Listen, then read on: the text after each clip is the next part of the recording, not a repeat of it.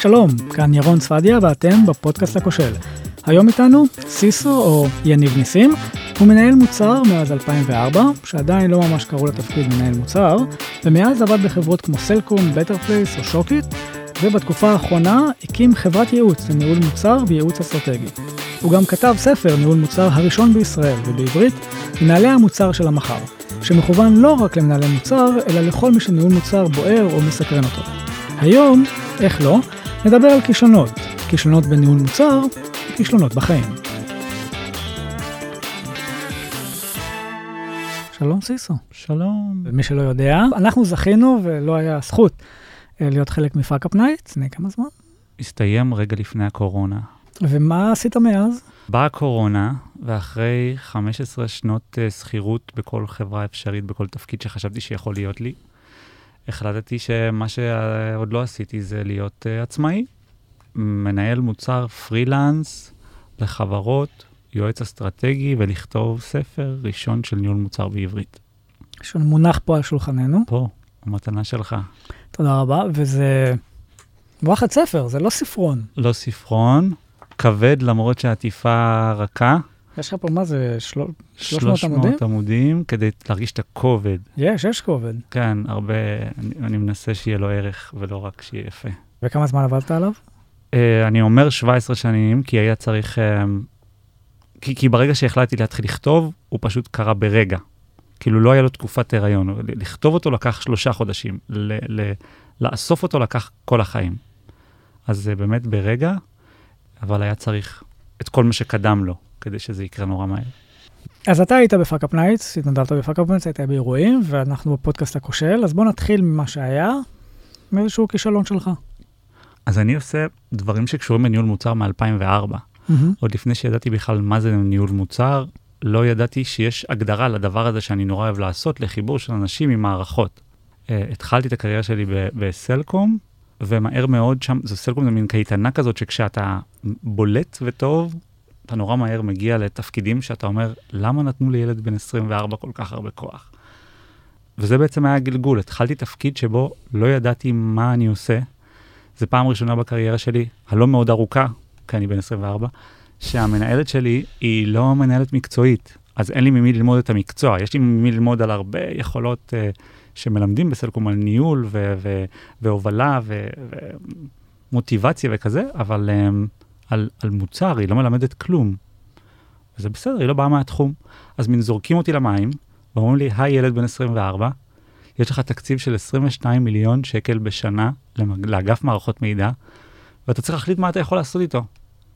אז אתה יושב שם עמום ומדבר עם כל מיני קולגות שאומרים מה בא להם שנעשה, מגזר עסקי, מיליון לקוחות, חופשי. וזה מקום uh, להצליח בו בגדול, ומקום לטעות בו בענק. כי באמת לא היה שום מתודולוגיה. לא היה ניהול מוצר, לא היה ספר ניהול מוצר, לא היה... לא, לא דיברו על ניהול מוצר, דיברו מה על... היה הטייטל שלך בזמנו? מנהל מערכות מידע אגפי. היה כאילו את אגף מערכות מידע, הוא מפתח מה שאומרים לו, אוקיי. הוא לא מאבד את הדרישה, הוא מפתח מה שאומרים לו, אה, וה- והאגפים, אגפי השירות, אומרים לו מה הם רוצים. אז היה כמוני בשירות לקוחות, היה כמוני בעוד מקומות, ומגזר עסקי על מיליון לקוחותיו היה אצלי כל דרישה שקשורה למשהו שהוא של חברה כלשהי שצריכה מסלקום, זה אצלי כוח גדול מדי בעיניי גם היום. אה, ופריבילגיה אדירה, כי מנהל מוצר יחיד על מיליון לקוחות. אה, זהו, אז בחוסר מתודולוגיות לחלוטין, אתה עובד בעיקר מהבטן, אה, בעיקר מרעש, בעיקר מבכי, בעיקר מכל מיני קולגות שצצות ואומרות, זה הכי חשוב, אם לא נעשה את זה, הלקוח ההוא ילך. ברנדים נורא גדולים כזה, של, של, של סלקום באותם שנים, אם לא נעשה את זה, הלקוח ילך, כאילו, מה, מה, אני, מה זה אומר שעכשיו לקוח של 5,000 משתמשים ילכו? כאילו, הכל כזה נורא על הגב, הכל מלחץ, ואתה באמת צריך לשקול מכלום, לבנות roadmap מכלום, אה, לתעדף מכלום, לאפיין מכלום, ואז יפתחו מה שתגיד. אז בדיוק כזה, זה, נראה לי אה, ה fuckup הראשון והגדול בחיי, היינו צריכים לאפיין מערכת שכמובן לא לקנות, כי זה לא הגיוני, כי יש כסף, אז בואו נפתח, כי אפשר ולא כי צריך. ואנחנו רוצים לפתח מערכת שתנהל את תיקי הלקוחות העסקיים. אותו אה, מנהל תיק הלקוחות, הוא ייסע ללקוח, שטראוס כזה, הוא יפתח את הלפטופ שם והוא יתעד את הפגישות שלו, ייצור משימות, uh, יבין מה קורה בתיק הזה. עכשיו, בעצם מערכת פנימית כן, למנהלי לקוחות. נכון. שיש CRM, אתה יכול לראות את המשתמש, את כל מנוי בודד, אבל הם רצו משהו שמנהל את התיק. מה קורה עם התיק הזה של שטראוס? כמה שטראוס משלמים, לא כמה יוסי החלבן. אמ, אז זהו, אז ילד בן 24 מאפיין מערכת שהוא מכיר בקושי.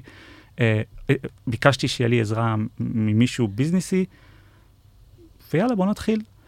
האפיון כלל PowerPoint עם שישה סליידים, אוקיי, זה האפיון, יפה. שכולל גם את ה-UX וגם את ה- את האפיון ה- האפיון העסקי, ו slide אה, שלום ותודה. כמובן, חשוב, branded, סגול. Um, וזה האפיון, בזה סגרנו. אף אחד כמובן לא עבד עליו, אף אחד לא עבר עליו, uh, כדי להרגיש שאני לא עושה דבר uh, מטופש. כן היה צורך לחבר את זה לשטח. היה לנו ישיבה שבועית שבה אנחנו uh, מבקשים מאנשי ביזנס, מאותם אנשים שתכלס הולכים להשתמש במערכת, שיגידו מה הם חושבים על זה. אבל הם רואים קוביות שלי בסלייד, וזה נראה להם מהמם וסגול, והם אומרים לו, תוסיף את זה, תזיז את זה, וזה נשמע לי הדבר הנכון לעשות, כי הם יודעים. Um, מאוד מתרגשים מהשינוי, כי אין להם כלום ויהיה להם איזושהי בשורה. הולך עם המצגת שלי, נרגש לאגף מערכות מידע, מציג להם את הפלא הזה שאני אפיינתי. ומסתכלים עליי כאילו נפלתי מהירח, אומרים לי, אוקיי, נראה לי שהבנו את הצרכים. זה לא בדיוק מה שחשבנו, יש להם, מתברר שהם יכולים לחשוב ולעשות מה שהם רוצים. בואו נדבר עוד כמה חודשים, נסיים לפתח.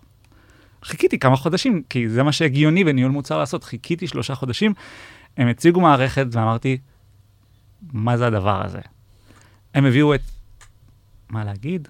סאפ, כדי לנהל לקוחות, כי זאת המערכת שבה ניהלו ציוד בסלקום, כי זו מערכת שבה ניהלו את המחסנים, אז זה היה נקרא הגיוני שסאפ תנהל את תיקי הלקוחות. הראיתי את זה לחברים אה, מה, מהביזנס, הם לא הבינו מה אני רוצה. אפס משתמשים, כמובן, זה לא ענה כמעט לאף צורך, אבל um, הסמנכ"ל באותו זמן אמר, מה יכול, איך יכול להיות שיש כאן כל כך כסף במערכת שלא משתמשים בה? אנחנו נאכוף את זה ונכריח אותם שזאת תהיה המערכת היחידה שהם ישתמשו בה. הכי טוב. Um, אנחנו נעשה כנס, השקה, בלונים, סטנדאפיסט, uh, ארוחת ערב. זה היה ביום של החתונה של אחי, אז אמרתי, אני אגיע מאוחר לחתונה של אחי, כי זה ערב השקה. וואו. אלף עובדים באים לראות את הפלא שיצרתי. אה, סרטון תדמית, כל המסכים בסלקום, הבניין נצבע בזה. כאילו, כנראה עשיתי משהו טוב, אבל בעצם לא. כאילו, מכאן באו פחות חגיגות ויותר מין אה, משימות שיטור, לוודא שכולם משתמשים במערכת הנפלאה, שלא נותנת כנראה לאף אחד שום ערך. וכשאתה ראית את המערכת בפעם הראשונה והבנת, כן, זה לא מה שרציתי, כן. היה איזה דיון על זה? היה איזה שיח? היה דיון, אני חושב שקרו שם שתי דברים. קודם כל הייתי נורא צעיר, אז, אז, אז כאילו להילחם על מה שחשוב לי היה נראה לי כאילו, רגע, הם המקצוענים של מערכות מידע, מי אתה, ילד, שתגיד שזה לא מספיק טוב? הדבר הנוסף הוא שאני מאלה שהם early adapter להכל, אני בטא להכל. לא Mhm. אכפת לי שזה יהיה קצת מורכב וקצת קשה, אבל האנשים האלה, ה-500 מנהלי תיקי לקוחות, הם, אין להם את יכולת הספיגה שלי, הם לא אנשים טכנולוגיים בהכרח, הם, הם, הם בלפטופים בשנת 2004, אינטרנט בדרכים זה, זה, זה קסם. היה כן. את זה לחלקם, אבל כן. המערכת לא עבדה, לא מהר, לא יעיל. מדי פעם היא עשתה את מה שצריך, רחוק מאוד ממה שציפינו. ומה היית עושה אחרת? כנראה הכל. אני חושב שהפריבילגיה הייתה באמת קייטנה, כאילו, היה משהו קסום בסלקום שמאפשר לך לטעות. היכולת שלהם לקחת ג'וניורים ולשים אותם בתפקידי, בתפקידים פסיכיים, ולתת להם תקציבים ולהגיד להם, הגיוני שתטעה, כי אף אחד לא לימד אותך. והיכולת שלהם להבין שאוקיי, מכאן אפשר לשנות ולעשות אחרת, ובוא נשקיע עוד קצת, כאילו, נמצא עוד פתרונות, היה להם יכולת ספיגה מטורפת. בעצם היינו צריכים להתחיל את הפרויקט מחדש אם היה אפשר. אם היה לי את הידע בסוף הפרויקט כמו שהיה לי בתחילת, בתחילת הפרויקט כמו שהיה לי בסוף הפרויקט, היינו עושים הכל הפוך. הייתי דורש להבין איזה מערכת הולכים להכניס. הייתי רוצה להבין איך נראה ה-UX של זה ואיך נראה ה-UI של זה, וללוות את זה באמת סטפ, סטפ בדרך. הייתי מחכה, לא מחכה שלושה חודשים. הייתי אומר, בואו נראה בעוד שבוע מה הערך המינימלי שאפשר לתת במוצר הזה, כמו בניהול מוצר, כשמנהלים מוצר. הייתי עושה מחקר יותר טוב של מה שהם רוצים. הייתי מנסה להבין מתוך, כמה היו לנו שם? 400 דרישות? מה הם החמש, שש דרישות הראשונות שאיתן אנחנו רוצים להתחיל, ועם זה אנחנו יוצאים לאוויר. לא עושים השקה גרנדיוזית. אם דרוש שוטר להטמיע מערכת, אז המערכת לא טובה, אז עשינו משהו לא טוב. אז כל כך הרבה דברים היה צריך לשנות בדרך, אבל אני חושב שזאת בדיוק הפריבילגיה בלהיות במקום כזה שמפתח ג'וניורים. אתה יכול לטעות, כי הטעויות האלה הם, הם בלב שלי עד היום, בכל מוצר חדש. אני כל כך חושש מלהגיע לשם, שאני יודע שאני, שאני, שזה לא יקרה. הספר הזה כתוב על, על, על, על דמעות של מנהלי מוצר, וזה חלק מהתהליך הזה. אני חושב שבין השאר, זה הסיבה גם להצטרף ל Fuckup. מנהלי מוצר לא מודים שהם טועים מספיק, והאחריות שלהם גדולה מספיק, מצד שני הם יכולים להתחמק מהאחריות די בקלות.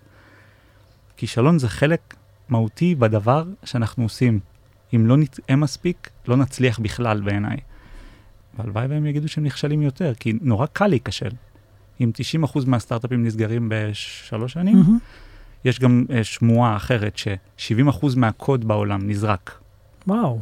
אז אתה אומר, בטח באשמתנו, זה הרי לא מפתח קם בבוקר מה הוא רוצה לפתח, זה המון מנהלי מוצר יהירים, או לא מקצוענים, או לא מקצוענים מספיק, או לא יסודיים מספיק, שגרמו למשהו שגרם לחברה להפסיד הרבה כסף, אולי אפילו להיסגר, לאבד, לאבד ערך, או המון דברים אחרים שיכולים לגרום מניהול מוצר לא מספיק טוב. רק כדי לסגור את, את הסיפור, מה קרה למוצר הזה בסוף? אפס משתמשים עד היום. עד היום? עד, עד, עד היום, זה היה מאוד מזמן, כי אנחנו מדברים על 2005-2006. הפעילות כשוטר גרמה למשתמשים להיות forced to use, היה שם איזשהו מין כזה, גם כן. שושית עקומה קטנה, אבל מהר מאוד זה הפסיק, זה פשוט לא היה טעם בלהפעיל לחץ, זה הרי לא הגיוני. אה, כשאני עזבתי את התפקיד, עשיתי עוד הרבה מערכות ופרויקטים שכן הצליחו, אבל ספציפית את המערכת הזאת, לא יש מישהו מעולם. אה, חברה שפגשתי לא מזמן סיפרה לי שלאחרונה, היא כן עובדת בסלקום, לאחרונה בונים שוב פעם מערכת, מדהים. אבל הפעם היא חושבת שזה יעבוד. אה, אני מאמין לה. אתה היום מייעץ לסטארט-אפים ועובד עם סטארט-אפים, אני מניח שאתה mm. רואה את זה גם בחיי היומיום של סטארט-אפים. לגמרי, לגמרי. סלקום של אז והרבה ארגונים של היום, סלקום חדשנית יחסית בעולם הטכנולוגיה. טובי אנשי הטכנולוגיה עבדו אז, שם, כן, לפני שהם עברו לכל מיני חברות אחרות הם, כמפתחים. הרבה חברות, ואפילו חברות שדיברתי איתן היום, עדיין נמצאות באיזשהו טרנזישן, באיזו טרנספורמציה דיגיטלית, והן עובדות עדיין באיזו צורה של uh, ניהול פרויקטים. ניהול פרויקטי מערכות מידע, לא בצורה של ניהול מוצר. אין שם אג'יליות או לין סטארט-אפ, הכל שם עדיין כזה קצת של פעם, וחבל, כי חברות נורא רוצות לאמץ את הדבר הזה. לסלקום באותו זמן היא הייתה חברת פרויקטים ולא חברת מוצרים, ואני חושב ש... אני, אני בטוח שעכשיו היא כבר לא כזאת. והיום בעבודה שלך עם החברות, עם הסטארט-אפים שאתה עובד איתם, המעבר הזה, mm-hmm. ב-state of mind, מ... זה לא פרויקט, זה מוצר שיש לו אורך חיים, ויש לו עליות ומורדות, ומתישהו גם צריך להוריד אותו מהליין. איפה אתה רואה את זה היום, או איפה אתה נתקע לו? האם יש דברים שאתה מזהה אצל כל סטארט-אפ צעיר או לא צעיר, mm-hmm. וכאילו הוא אומר, אוקיי, זה, זה תהליך החשיבה הזה של סטארט-אפ חדש. כן, אני, אני כמעט רואה את זה בכל מקום. יש מעט מאוד חברות שאני לצערי לא רואה את זה. אני חושב שהמקום היחיד שבו אני לא רואה את זה, זה סטארט-אפים שחלק משמעותי בעובדים, זה עובדים שכבר היו מנהלי מוצר בעצמם, או התעסקו עם מנהלי מוצר בעצמם. עכשיו, זה לא בהכרח אומר שצריך את התפקיד הזה, זה לא התפקיד הזה שמקדש את התהליך. משהו שם צריך להיות בתפיסה, בארגון, בהנהלה, כזה שרואה דברים כ lean startup, כזה שרואה דברים בבוא נעשה את הקטן ביותר, כזה שרואה את, ה, את צוות הפיתוח שמפתח כי צריך ולא כי אפשר. להעמיד צוות פיתוח של 60 איש, זה לא אומר שהמוצר שלך אדיר. תביא איש אחד ותשתמש בו רק לאינטגרציות עם מערכות קיימות. רוב הארגונים האלה מנסים לאמץ לעצמם כל מיני, לפתח הכל in-house. זה לא ה-IP שלך. Mm-hmm. אם אתה חברה שמייצרת פרחים, מה חשוב לך עכשיו לפתח בעצמך CRM? מהו ה-CRM שלא קיים בעולם שיש לך צורך כל כך ייחודי שאתה חייב mm-hmm. לפתח בתוך הבית? לכן אני אומר שזה לא מוצרי בעיניי. אם ארגון לא שואל את עצמו מספיק למה, אם ארגון לא שואל את עצמו, האם אני באמת צריך את זה ועכשיו? האם זה הכי קטן? האם זה יכול לעלות מחר? מה המעט ביותר שאני יכול לעשות כדי שזה להם מחר? זה ארגונים שלא רואים מספיק מוצר לצערי. וזה קורה כל יום. אני מתבאס מזה כל יום. אז ממה אתה מחייך כל יום?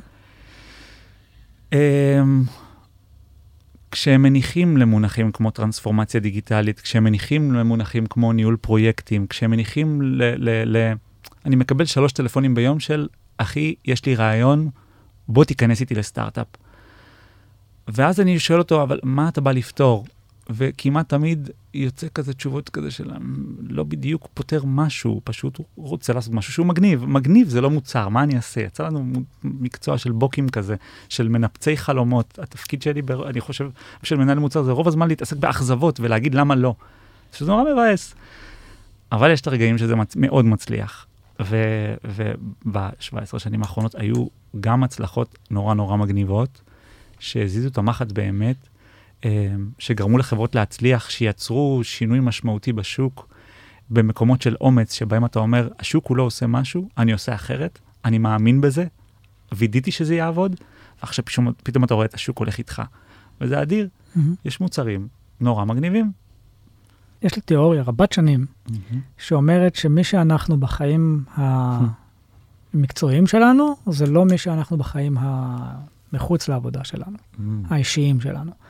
ויכול להיות שאם היינו מטמיעים אולי קצת מכל אחד, היינו מגיעים לתוצאות טובות יותר. ניקח את זה לעולמות ה dating לצורך העניין, הרבה פעמים אני זוכר עם איזו ידידה ספציפית שלי, אה, תמיד היה דיון, כן להתקשר, לא להתקשר, כן לשלוח הודעה, לא לשלוח הודעה. אמרתי לעצמי, אם היית בעבודה עכשיו, וזה היה איזה לקוח או סטייק הולדר מתוך החברה, mm-hmm. היית מוצאת את הדרך להשיג את מה שאת רוצה. Mm-hmm. אז למה את לא עושה את זה עכשיו, פה, במערכות היחסים האישיות שלך? ואני תוהה אם אתה מזהה אצלך mm-hmm.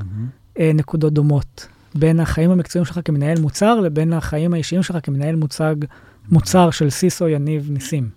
כן, נורא. האמת שכשהשיטה כל כך אפקטיבית בלחפש כל הזמן, לעשות את הדברים בגלל שמביאים ערך, זה משפיע עליך על הכל, על זוגיות, על משפחה, על דאגה, על האופן שבו אני מנקה את הבית. אני, אני, אני... אתה מנקה את הבית בצורה שמביאה ערך לבית, לך? אני כאילו מסתכל על הכיור ואני אומר, רגע, יש לי עוד זמן עד שאני צריך לשטוף. זה עוד פרק נטפליקס, מה יעשה לי עכשיו יותר כיף? וככה אני שופט כמעט כל דבר. יביא לי ערך, לא יביא לי ערך, זה, זה, אני לא כל כך בן אדם שמתעסק עם כסף, אבל כאילו, מה יעשה עכשיו, מה יזיז באמת את המחט? אני אכתוב עכשיו ספר, זה הכי חשוב לי, או אני אלך עם חבר לים. אוקיי, ערך. זה בסדר להשוות בין שתי דברים, בין תפוחים לזה, אבל בסופו של דבר ערך הוא, הוא איזשהו מטבע שקל לי נורא לה, לה, לה, להשוות בינו לבינו. החיים שלי הם יותר מדי יעילים. מה זה אומר? ה calendar שלי מסודר כמו חיילים. אני, אני, בגלל freelancing, אתה עושה ניהול מוצר לחמש חברות פתאום, ואתה צריך לנהל את החיים שלך, ואז יש גם ספר. ואתה צריך גם לכתוב אותו, אבל גם לפרסם אותו. ואז יש אנשים שרוצים mentoring, ואיכשהו צריך להיכנס בתוך הדבר הזה. ואז אבא שלי בבית חולים, איכשהו צריך לנהל את הדבר הזה. והחיים מורכבים, לכולנו יש חיים מורכבים, אה, זה רק מוסיף עוד ועוד, ואיכשהו הכל אפשר. כאילו הזמן הוא אינסופי כשהוא over מנוהל, כי הקוביות הן קוביות לפי ערך. וכשבאה קובייה בלי ערך, אתה אומר, רגע, את קובייה בלי ערך, את לא עכשיו, או את בעוד שבוע, או את לא אף פעם. כל מוצאי שבת וכל בוקר, אני מסתכל על הלוח שנה שלי, אני רואה שאין לו overlapping, ואני מחדש אומר, אם את overlapping, מה מביא לי יותר ערך? את עפה, את הולכת למעלה. כל מוצאי שבת מסדר את כל השבוע, כל בוקר מסדר את היום. אני לא מתחיל את, את הפגישה הראשונה שלי, אנשים קוראים מיילים ביום, בבוקר. למה לקרוא מיילים? מיילים זה לא עבודה. הזמן שלי הוא הדבר שמשלמים לי עליו כסף, הוא צריך להיות מסודר כמו חיילים, והוא רק לפי ערך. וזה לא אומר שאני עובד כמו חולה, אני עובד שעות פחות מסטנדרטיות במשק, ועדיין אני רוצה שיהיה לי זמן ללכת לים, זמן לפגוש חברים, להתנדב במידבר, אני לא יודע מה, ויש זמן להכל, והכל נכנס, פשוט לפי ערך. מעניין אותי אם תמיד היית ככה? כי ציינת נגיד שדיברנו על הספר, שהספר הוא תולדה של 17 שנים. כן.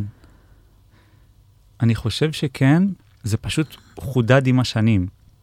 כאילו, מגיל אפס ידעתי שהדבר הזה שמסקרן אותי במיוחד זה איך שאנשים מתחברים עם מכונה. איך תהליך הופך לאוטומט. זה ריגש אותי בטירוף. בתור ילד בן 6, 7, 8, 9, שנאתי לקרוא ספרים, הדבר שהכי התרגשתי לקרוא אותו, הוראות הפעלה של מכשירי חשמל. זה באמת ריגש אותי. קראתי פיצ'רים, הבנתי איך הטלוויזיות בעולם, לא הטלוויזיות שלנו יש בבית, אמא שלי לא קנתה טלוויזיה חדשה 20 שנה, הייתי מוצא ארגזים של מכשירי חשמל שאין לנו בבית, קורא אותם ומבין את הפיצ'רים שלהם. זה סקרן אותי בטירוף איך התקדמה הטכנולוגיה, שאין לי אותה. ידעתי איך להפעיל מכשירים שמעולם לא ראיתי. זה תמיד ריגש אותי, ואז אמרתי, אוקיי, זה, זה, זה פשוט קרה, זה כשגדלתי, גדלתי לזה. משהו ב...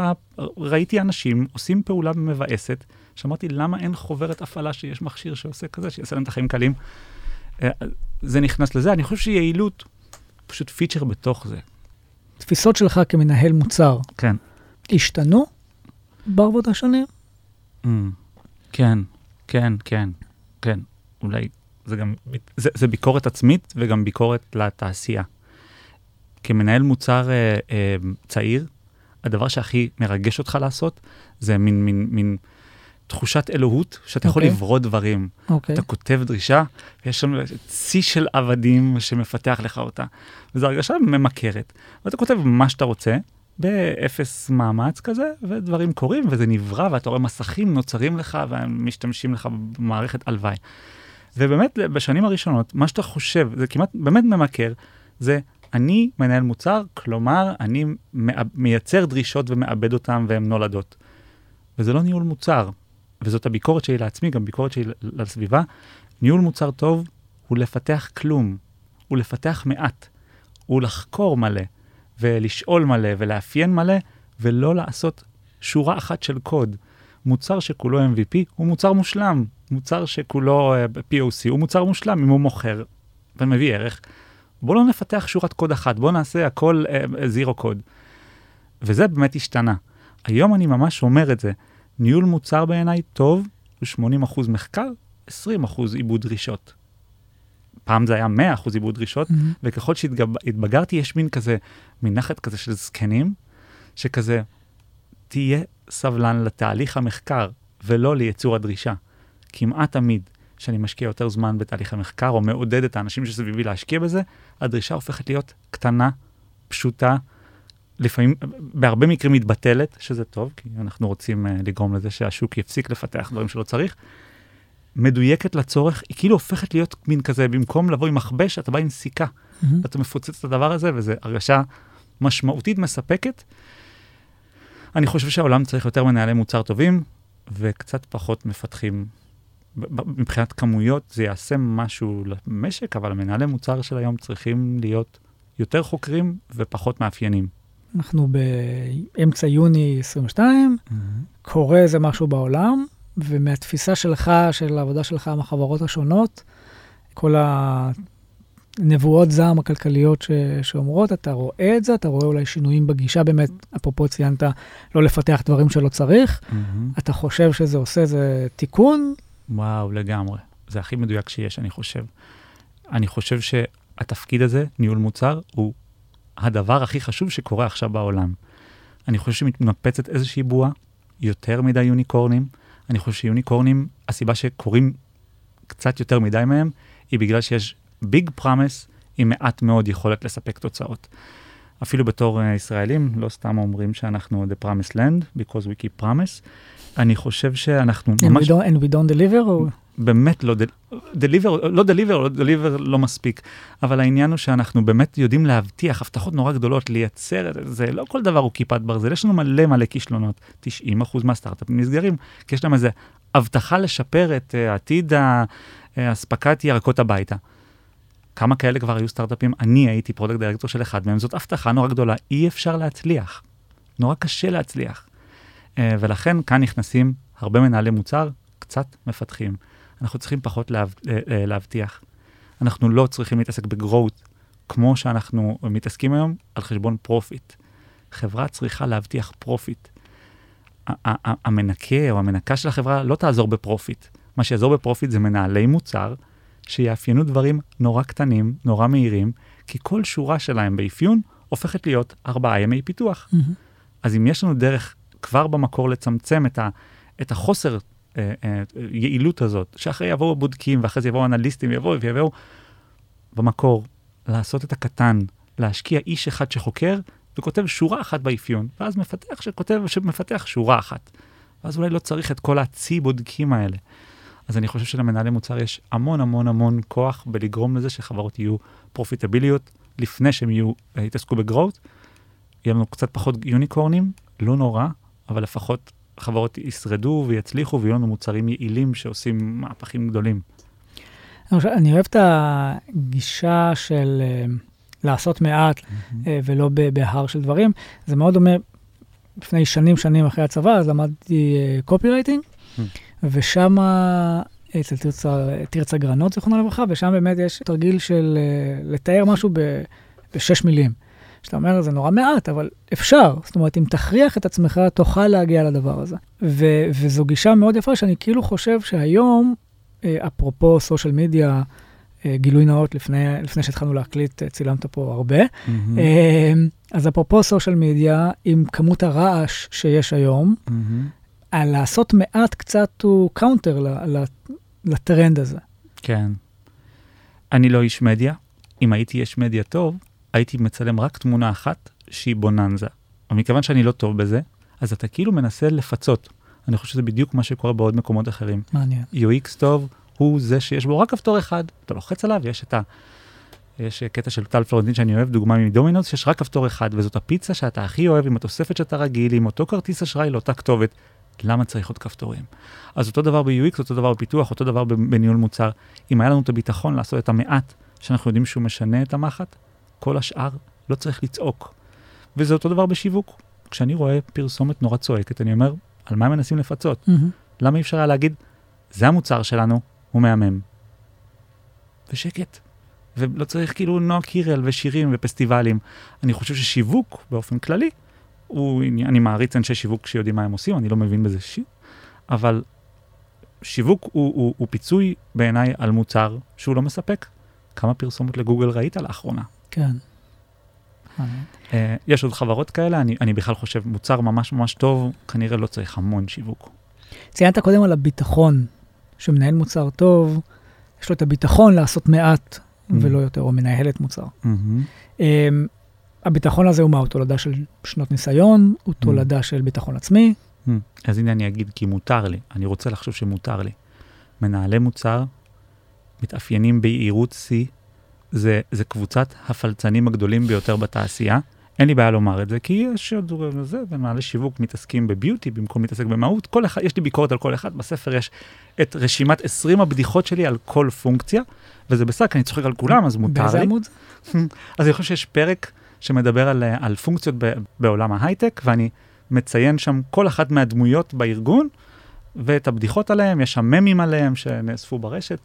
אז מנהלי מוצר הם אנשים נורא נורא יעירים ונורא פלצנים. אני חושב שהביטחון הוא הצד המגניב של זה, חשוב שמנהל מוצר יבוא מלא ביטחון, חשוב שהוא יבוא, מוביל.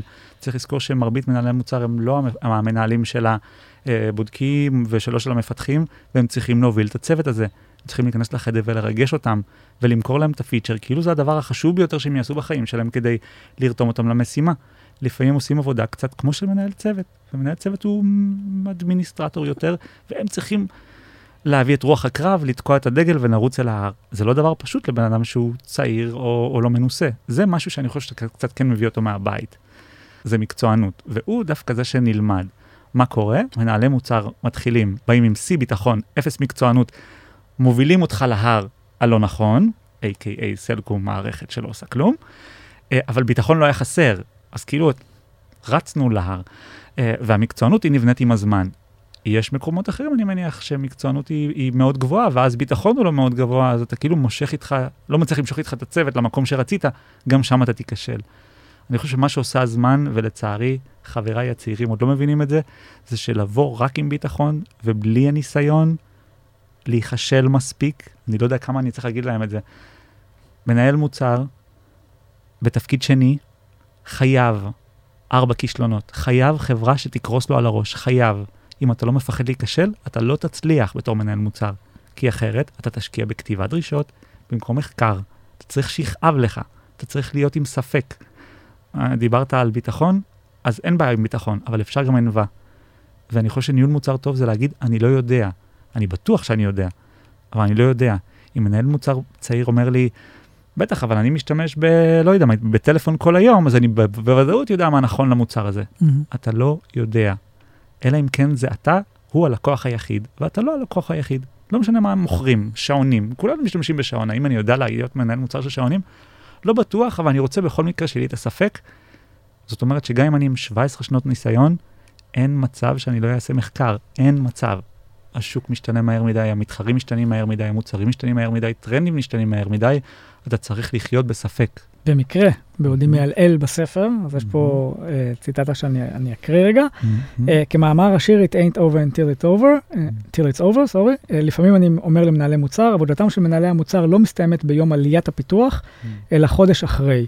ודאו שאתם לא מתפיידים מהר מדי, זכרו שהאחריות היא תמיד של מנהלי המוצר, ואם הרץ שאחריכם לא לוקח אחריות במעשים ולא רק בדיבורים, אז המקל עדיין אצלכם ובאחריותכם. אל תיתנו לו ליפול, חוויית שירות מעולה וחוויית מוצר טובה דורשת לעיתים ליווי ממושך. ציינת ענווה ואת המחקר, אתה מרגיש שאנשים כשמסיימים גם רצים הלאה מבלי להסתכל אחורה? מחלה של צעירים אני חושב יותר, אבל לפעמים גם של יותר מנוסים. עלה לאוויר, יש כפתור לייק, אפשר לשכוח ממנו. זה לא ככה. הצורך שלנו למדוד אחורה ולראות שזה קרה כמו שציפינו, איך עושים אותו עוד יותר טוב, וכל הזמן פיצ'רים לא מתים, כל הזמן שהם באוויר, מה שצריך לחיות, להחיות אותם. זה לא נגמר בזה. הניהול מוצר, אני משווה המון פעמים בחיים, גם בספר, זה משהו דומה להורות. המוצר הזה הוא, הוא כמו ילד שמנסה כל הזמן לרוץ לכביש. אי אפשר להשאיר אותו בלי השגחה. הוא, הוא, הוא חסר יכולת לדאוג לעצמו. ו, ובניהול פרויקטים היה באמת נגמר, הפרויקט, זהו, עלינו לאוויר, נגמר. ובניהול מוצר, אתה, אתה, זה הפיצ'ר שלך לנצח. עד שיש מישהו אחר שייקח אותו ואומר, מעכשיו אנחנו אחראים עליו, שירות הלקוחות אחראים עליו, customer success אחראים עליו, אבל לרוב צריך שיהיה שם איזשהו מישהו שידאג לזה ואיזשהו יהיה פרואקטיבי לגביו. אתה יודע, ה flip side של זה יכול להיות שאם אתה אה, היית באפיון ובפיתוח של המוצר, אז אתה תהיה כמו אב, אם נמשיך את האנלוגיה, mm-hmm. מתגונן, או כמו אם, מתגוננים על, ה, על הילד או ילדה, mm-hmm. על המוצר, ובעצם לא רואים לפעמים את הטעויות שאותו מוצר או נכון. ילד ילדה עושים. כן, גם זה יכול לקרות. כשאני עושה את ההשוואה להורות, אני מדבר על, על האצבע, על הדופק בצורה אובססיבית כמעט, כי אין מישהו אחר בארגון שיעשה את זה, אז כל הזמן שאף אחד אחר לא יעשה את זה, זה התפקיד שלנו לעשות את זה. Uh, אבל אני מסכים איתך, יש, אנחנו יכולים לפעמים להתמכר למוצר, להאמין בו יותר ממה שצריך להאמין בו. מוצרים uh, נוטים גם למות, להיות לא רלוונטיים לאורך תקופה, יש מלא מוצרים שמייתרים את עצמם, אז אנחנו לא רוצים להתחתן איתם. בשלב מסוים יכול לקרות שנצטרך uh, להרוג מוצרים, וגם זה עניין של בגרות. מנהלי מוצר שמנהלים צוותים, בטח שמגיעים לתפקידים בכירים, חייבים להיות כאלה שלפחות סגרו כמה כאלה. כן. הכאב הזה הוא כאב משמעותי שנדרש להצלחה בתפקיד, אפרופו פאקאפים. אני טועה אם היית צריך לבחור שלוש עצות mm-hmm. למנהלי המוצר, mm-hmm. מה הם היו? ספק לצד ביטחון, אבל ספק, פשוט כל הזמן להיות בספק. Um, אותה הורות שאני מדבר עליה, זה סנס של אחריות שלא נגמר. זה אף פעם לא על מישהו אחר. בארגון יחד איתכם, בשולחן לידכם, יהיו מעצבים ומפתחים ואנליסטים והנהלה, זה תמיד על הראש שלכם. יש גננת, שולחים את הילד, אבל אם קרה משהו, זה הילד שלכם, זה לא הילד של הגננת. Mm-hmm. הדבר השלישי זה, החלטתי שלמרות שזה ספר מקצועי, הפרק האחרון בו יהיה כולו uh, soft skills. אוקיי. Okay. וזה עניין נורא מורכב, soft skills, כי אף אחד לא מדבר על soft skills של מפתח. מה ה-soft skills של מפתח? בניהול מוצר יש, אני חושב, הרבה משמעות, כי כמות הקולגות שיש לך, הצורך שלך להוביל, באותו זמן שכמעט תמיד אתה לא המנהל, יכולת להיות צ'ארם, uh, היכולת שלך להתחבר עם אנשים, להוביל אותם uh, מכיוון של חברות ולא מכיוון של... Uh, סחבקיות קראת לזה. סחבקיות. אני, אני אומר את האמת, אני לא הרגשתי שאני איש סחבק. בשנת 2008 היו סביבי אנשים שחשבתי שהם סחבקים מאוד, וממש הרגשתי שזה גם מקשה לי בחיים וגם מקשה לי בתפקיד. נשבע, ביקר לי. הלכתי לטיפול NLP, ישבתי אצלה על הכיסא במשך שלוש שעות ואמרתי לה, היי, אני סיסו, יש אנשים שאוהבים אותי, אני לא סחבק. אני לא יודע להשתעשע עם הנהג מונית, אני לא יודע להשתעשע עם האיש שעושה את, ה, את השקים מתחת לבית. זה דופק אותי, כי אני גם לא יכול להיות סחבק עם דימה המפתח, כי הוא קצת מלחיץ אותי. יש דרך לשבור את החומות האלה, אני חושב שהדברים האלה, הכישורים הרכים, עושים אותנו גם יותר טוב במקצוע. זה עשה אותי יותר טוב במקצוע. אני יודע להיות נחמד היום לנהגי מוניות ולהצליח לפתח שיחה כמעט עם כל בן אדם שאני רוצה. זאת אומרת, זה גם הפך אותך אבל להיות בן אדם טוב יותר בחיים. אני חושב שכן, יש אנשים שיגידו שסך בקוטן, כאילו חברה יושבת לידי, ואומרים, מה אתה צריך עכשיו לפתח שיחה עם הנהג מונית הזאת? למי זה חשוב? זה הפך להיות לי חשוב. זה כאילו, אני פתאום מתנהל בעולם בתחושה של קצת יותר נחמד פה. כאילו מישהו קצת שייף את כל הפינות. גם אם הנהג מונית הזה, אני עוד שנייה לא אראה אותו, אני חושב שזה נורא טוב לעסקים, זה נורא טוב בניהול מוצר, זה נורא טוב בעבודה עם ממשקים, לכל מי שיש לו ממשקים, זה פותח דלתות בטירוף, אז זה עוד אה, אחד מבין הכישורים רכים, אני חושב שכדאי להשקיע בהם. זה מעניין, אה, מי אתה? איך אתה מגדיר את זה? אני חושב שזה זה מתחבר לניהול מוצר, אבל אני אומר שהסיבה שאני פה, זה לעשות שלאנשים יהיה קל יותר בחיים.